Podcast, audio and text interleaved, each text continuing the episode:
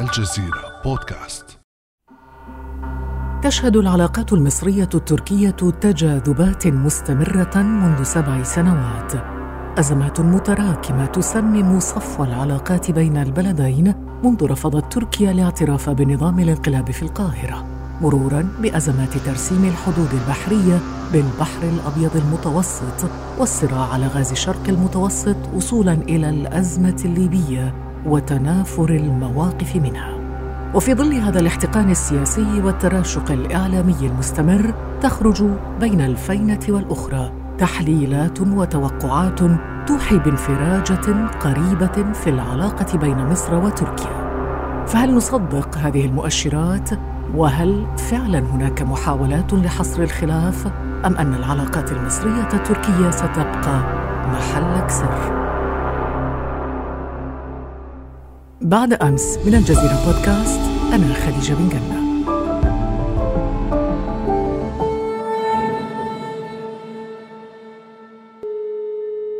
يسعدني أن أرحب اليوم في هذه الحلقة بضيفنا الكاتب والمحلل السياسي الأستاذ محمود عثمان. نرحب بك أهلا وسهلا بك أستاذ محمود.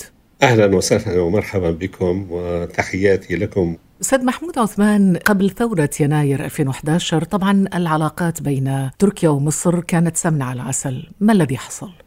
أعتقد هناك من يتحدث عن استمرار لحالة التنافس التاريخي من أيام الدولة العثمانية بين الباب العالي في إسطنبول والي مصر آنذاك محمد علي باشا. هذه العلاقة التاريخية كانت على الدوام علاقة استراتيجية بين قطبين رئيسيين في المنطقة. تركيا كانت عاصمة الخلافة وعاصمة الدولة العثمانية ومن باب آخر هناك العمق التاريخي ومصر أم الدنيا كما يقول المصريون.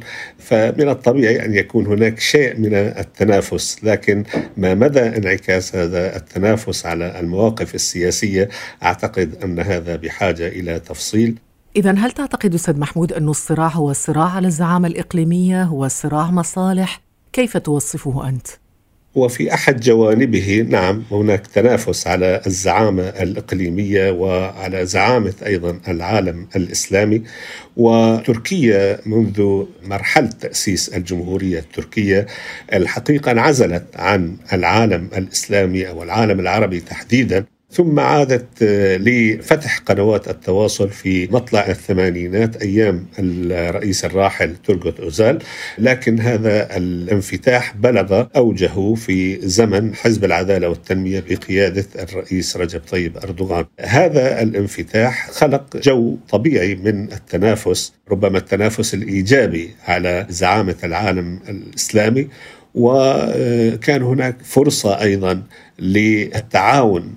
أعتقد أن تركيا ذهبت لدرجة بعيدة في دعم التغيرات التي حدثت في مصر من باب إيجاد الشريك الاستراتيجي لها في تحمل أعباء زعامة العالم الإسلامي، زعامة العالم الإسلامي ليست بالأمر قد تبدو للوهلة الأولى أنها مكسب استراتيجي وشيء إيجابي وجيد، لكن في الظروف الصعبة أعتقد أنها تحمل البلد الذي في مكان الزعامة تحمله مسؤوليات كبيرة، وهذا أكبر من طاقة تركيا ولذلك وجدنا أن تركيا توجهت نحو مصر أيام الرئيس مرسي لدعم مصر بشكل كبير لكي تتحمل جزء من هذه المسؤولية.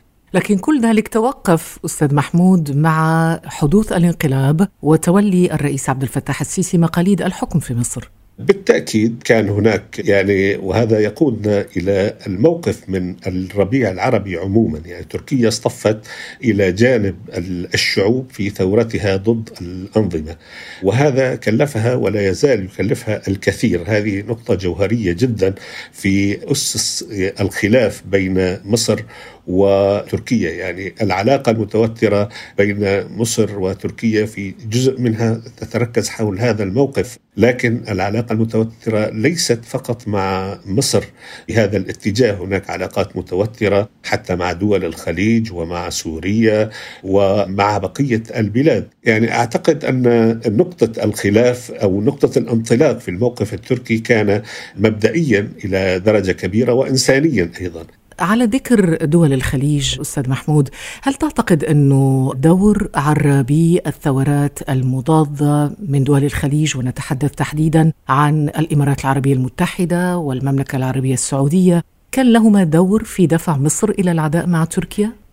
أعتقد أن الموقف هناك اصطفاف في المنطقة فريق مع الثورات ودعم الثورات العربية وفريق آخر وقف ضد هذه الثورات وضد تطلعات الشعوب. فيما يتعلق بالموقف الخليجي لا يمكن تحديد موقف واضح. المملكة العربية السعودية تدعم الربيع العربي في سوريا بينما الإمارات تقف بشكل مطلق ضد كل ما من شأنه دعم تطلعات الشعوب العربية نحو الحرية ونحو نيل حقوقها. وبالتالي فعلا هناك كان دعم لمصر في هذا الاتجاه. نعم لكن هذا الدعم ليس مطلقا وليس مبنيا على مبادئ واضحة. يعني ربما الإمارات تدعم مصر في ليبيا لكن لا تدعم مصر مثلا في مناطق أخرى. هذا الدعم ليس على إطلاقه. يعني الموقف من الربيع العربي هناك دول أخذت موقفا واضحا متشددا وقفت وقف الضد. بحيث أينما كان هناك ثورات وتطلعات للشعوب وقفت ضدها وحاربت التطلعات ودعمت جميع التيارات التي تقف ضد التي دعمت هذه الثورات ثورات الربيع العربي. ولذلك نجد الإمارات العربية المتحدة تحديدا ضد تركيا على طول الخط أينما كانت وحيثما حلت. بينما نجد تفصيل المملكة العربية السعودية قد تلتقي مع تركيا في المسألة السورية مثلا ولا تعاديها كثيرا في المسألة المسألة الليبية ليست معنية في المسألة الليبية. على النقيض من ذلك وجدنا الإمارات العربية المتحدة تحارب في ليبيا وتدعم النظام الأسد بل تحضه علشان عملية عسكرية في إدلب وغير ذلك. ولذلك الحديث عن موقف لدول الخليج موقف واحد متجانس يمكن أن نسميه أو نطلق عليه موقف دول الخليج من الصعب الحديث عن هذا الموقف. طيب لو عددنا أستاذ محمود نقاط الخلاف بين تركيا ومصر أو الملفات الخلافية سنبدأ بماذا؟ أعتقد أن نقاط الخلاف الرئيسية تتمركز نحو نقطتين أساسيتين، الموقف من الربيع العربي والنقطة الثانية هي الاصطفاف الإقليمي. تركيا دعمت ولا تزال الربيع العربي بقوة وفتحت أبوابها لجميع من تأثر وبها بأحداث الربيع العربي سواء كان ايا كانت وجهته وإيديولوجيته سواء كان مواليا أم معارضا وهذا سر احتضانها لما يزيد عن خمسة ملايين لاجئ عربي موجودين على أراضيها. ما تأخذه مصر على تركيا أنها استضافت قيادات الإخوان المسلمين ووفرت لهم المأوى والحماية. هذا صحيح لكن هي تفعل مع الجميع. هناك قيادات من خارج الإخوان المسلمين هناك قيادات سياسية مصرية وغير مصرية علمانية إسلامية كائنا من كان. هذا الموقف من الربيع العربي. في الاصطفاف الإقليمي أيضا هناك حالة خلاف يعني وتصل إلى درجة الاشتباك. رأينا موقفين متضادين على الساحة الليبية تركيا تدعم حكومة الوفاق بينما مصر تدعم خليفة حفتر. في سوريا مصر تدعم بشار الأسد بشكل علني أو بشكل سري بينما تركيا تقف وتتبنى المعارضة السورية بشكل شبه كامل. في شرق البحر المتوسط يعني ومنذ عام 2014 ذهبت القاهرة لجهة استضافة قمة ثلاثية مصرية قبرصية يونانية. ثم تجددت هذه هذا اللقاء وهذه القمة في الشهر الماضي. مصر تجاهلت دعوة تركيا إلى اقتسام إلى اجتماع كل دول المنطقة منطقة شرق المتوسط واقتسام ثروات هذه المنطقة الثروات الطبيعية الواعدة لكن مصر اتجهت إلى تحالفات إقليمية محدودة. كان هدفها الواضح هو إبعاد تركيا وتهميش دور تركيا. هذا بشكل رئيسي نقاط الخلاف الرئيسية بين مصر وتركيا وأعتقد أنها ليست بالنقاط العميقة أو التي تسبب العداوات الكبيرة. الشهر الماضي تحديدا في الحادي والعشرين من أكتوبر عقدت قمة ثلاثية مصرية يونانية قبرصية. التقى فيها الرئيس المصري والرئيس القبرصي ورئيس الوزراء اليوناني في نيقوسيا. ووجهت في هذه القمة وسائل مبطنة إلى تركيا. في ضوء السياسات الاستفزازية المتمثلة في انتهاكات قواعد القانون الدولي والتهديد باستخدام القوة المسلحة والتعدي على الحقوق السيادية لدول الجوار ودعم التطرف والإرهاب ونقل المقاتلين الأجانب إلى مناطق النزاعات. واتفقنا على ضرورة التصدي لتلك السياسات التصعيدية التي تزعزع استقرار المنطقة. أستاذ محمود عثمان الكلام واضح أنه يعني موجه إلى تركيا حتى وإن لم يذكر اسمها. كيف تؤثر هذه التصريحات على مسار التوتر الحاصل بين مصر وتركيا؟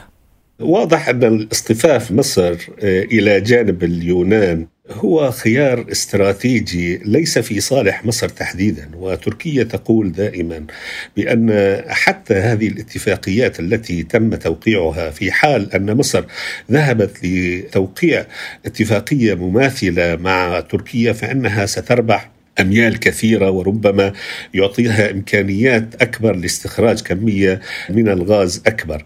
أعتقد أن هذا الأمر لن يستمر طويلا وللأسف يعني مصر سمحت لنفسها أن تكون عامل ضغط مساعد لفرنسا واليونان اللتان تحاولان حصر تركيا في جرفها القاري ومنعها أو الحيلولة دون استفادتها من ساحلها الطويل، تركيا لها ساحل ساحل يزيد عن 600 كيلومتر على الساحل البحر الأبيض المتوسط وتريد اليونان لحسابات كثيرة لخلافات بين اليونان وتركيا ليس الآن مجال لذكرها. حبس تركيا أو التضييق على تركيا بشكل أو بآخر. هذا التوتر في منطقة شرق المتوسط أعتقد أنه لن يأتي بنتيجة لا لمصر ولا لتركيا وبالتالي أعتقد أن صوت العقل والحكمة سوف يكون هو الغالب خصوصا وأن أمريكا الحليفة مع الطرفين كما نعلم كل من مصر وتركيا حليفتان استراتيجيتان للولايات المتحدة الأمريكية والأخيرة ليست بصدد تأزيم الأوضاع في المنطقة أكثر مما هي متأزمة خصوصا وأن المنطقة تعيش حروب داخلية وأزمات استمرت أكثر مما كان متوقعا. سواء الأزمة السورية أو الليبية أو حتى اليمنية ما يقارب العشر سنوات ولا أفق للحل. وبالتالي أن لا أعتقد أن الولايات المتحدة ستسمح بوتيرة عالية من التوتر بين تركيا واليونان من جهة وأيضا مصر وتركيا من جهة أخرى. لكن يتردد أستاذ محمود أن هناك تنسيق يعني استخباراتي بين مصر وتركيا على الأقل في الملف الليبي. هل يمكن أن نشهد يعني نوع من التهدئة أو ربما التقارب مستقبلا في الموقفين بخصوص ليبيا؟ أعتقد أن ذلك أصبح ممكنا أكثر خصوصا بعد خسارة الرهان على الجنرال خليفة حفتر الذي فشل في حصار طرابلس وفشل في عملية الحسم العسكري رغم كل الدعم الهائل الدولي والإقليمي. وبالتالي أصبح حصانا الرهان عليه أمر خاسر وبالتالي الدول تتطلع إلى بدائل ومصر سوف تتطلع إلى بدائل ولن يقف خليفة خليفه حفتر عائقا بين التنسيق بين بين تركيا ومصر والأمور سوف تأخذ مجراها إذ لا مصلحة لأي صدام بين تركيا ومصر في ليبيا، كلاهما لهما نفوذ على الأطراف الصراع وكلاهما ممكن أن يستفيد من التهدئة ومن المصالحة الوطنية في ليبيا. بينما دول أخرى قد لا يهم هذا الأمر وهي تزيد من صب الزيت على نار الحرب هناك أعني الإمارات العربية المتحدة تحديدا وربما روسيا أيضا معها وبالتالي أعتقد أن التنسيق وارد ويجب أن يكون ويصب في مصلحة الدولتين. والأمل في تقارب محتمل ممكن. أعتقد أن إشارات هذا التقارب واضحة وتحتاج إلى خطوة جريئة من كلا الطرفين. طيب من كلا الطرفين الطرف التركي مثلا نستمع إلى المتحدث باسم الرئاسة التركية إبراهيم جالن يتحدث عن إمكانية انفراج العلاقة بين تركيا ومصر وشروطها. Şimdi Mısır bölgenin Arap dünyasının önemli ülkelerinden birisi. Tabii بالطبع لا يمكننا تجاهل كيفية وصول السيسي إلى السلطة والانقلاب الذي حصل هناك والأناس الذين تعرضوا للقتل وما حدث في ميدان رابعة الاعتقالات السياسية لاحقا ووفاة الرئيس مرسي. Bunları tabii ki yok saymamız mümkün. بالرغم من ذلك إذا أظهرت مصر إرادة التحرك بأجندة إيجابية في القضايا الإقليمية فإن تركيا مستعدة للتجاوب مع ذلك Pozitif bir gündemle في حال تشكلت أرضية للتحرك معا في مواضيع ليبيا وفلسطين وشرق المتوسط وغيرها من القضايا فإن تركيا لا يمكنها إلا أن تنظر بإيجابية إلى ذلك وتقدم إسهاما إيجابيا Türkiye buna ancak olumlu bakar, buna olumlu katkı sağlar. أستاذ محمود عثمان يعني واضح أنه الناطق باسم الرئاسة إبراهيم كالن كلامه مبشر بأنه في إمكانية لعودة العلاقات المصرية التركية إلى سابق عهدها، تركيا مستعدة يقول للتجاوب مع مصر في حال تشكلت أرضية للتحرك معا في القضايا الخلافية، هل هذا ممكن برأيك؟ طبعا في العلاقات الدولية ليس هناك عداوات تامة ولا عمليات صلح تامة. هناك مصالح دائمة وبالتالي عودة العلاقات أمر وارد جدا خصوصا وأن العلاقات الاقتصادية وهي الممهد والداعم للعلاقات السياسية لم تتأثر. السنوات الأخيرة شهدت نمو وصعود مضطرد في التبادل التجاري بين البلدين مثلا 2018 كان 5 مليار وكسور ب 2019 ارتفع إلى 6 مليار وشور المعارضة التركية تنتقد حزب العدالة والتنمية وحكومة الرئيس أردوغان بأنه ذهب بعيدا في عداوة مصر وعلى أسس أيديولوجية. الحقيقة تدرك تركيا أن الجيش المصري هو ثالث أقوى جيش في المنطقة وهو أقوى جيش عربي ومن الطبيعي أن تتطلع للتعاون معه للصدام مصر من جانبها قد تضطر للعودة لبناء علاقات مع تركيا في حال افترقت مصالحها مع الإمارات خصوصا أن الإمارات ليست معنية بسد النهضة بينما سد النهضة والخلاف مع أثيوبيا امرا حيويا واستراتيجيا بالنسبة لمصر. طيب أستاذ محمود كان لافت أن تذكر قبل قليل انه المبادلات التجارية بين مصر وتركيا مستمرة وبشكل عادي ولم تتأثر بالمشاكل السياسية، يعني اقتصاديا الأمور ماشية تمام وسياسيا الأمور كما يقال بالدارجه خربانة. كيف نفهم هذه المفارقة؟ هل هناك مصالح اقتصادية مشتركة توضع فوق الصراع السياسي؟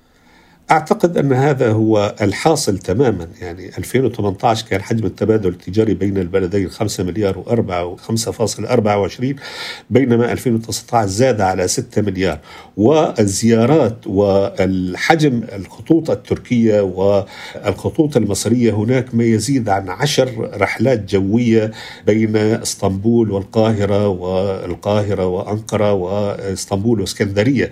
يعني هناك جسر جوي هام جدا يربط بين البلدين وهذه مكاسب استراتيجية لا أعتقد أن أي من البلدين بوارد التضحية بها وبالتالي هذا أيضا الجسر من شأنه أن يعيد الدفء إلى العلاقة بين البلدين نعم. إذا استمر هذا التوتر أستاذ محمود من الخاسر؟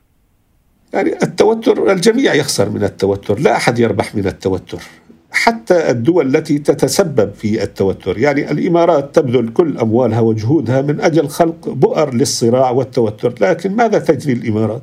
بالعكس تصرف أموالها من أجل إذكاء الصراع.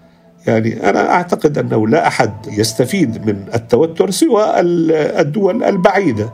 يعني عندما نكون جالسين في بيوتنا لا أحد يطرق الباب علينا لكي يتدخل في أمورنا الداخلية. لكن عندما أهل البيت يدخلون في صراعات وتعلو الأصوات والتكسير يضطر الآخرين لطرق الباب بل ربما لفتح الباب عنوة والدخول لضبط أو ترتيب بيوتنا من داخلها. أعتقد أن التوتر يفيد فقط القوى العالمية. العالمية شكرا جزيلا لك الأستاذ محمود عثمان الكاتب والمحلل السياسي. شكرا لكم على الاستضافة. شكرا. بارك الله فيك. شكرا. كان هذا بعد أمس.